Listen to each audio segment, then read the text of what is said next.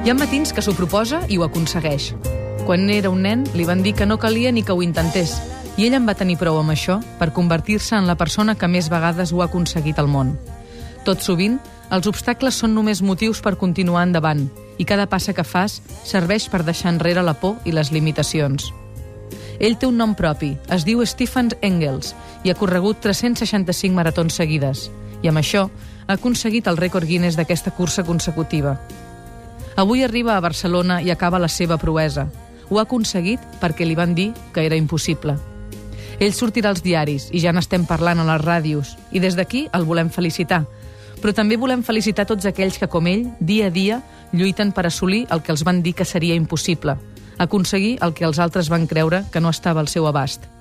Per tots els Stefan Engels, que no sortiran mai a cap llibre, ni a cap diari, ni a cap programa de ràdio, avui el suplement els dedica a això.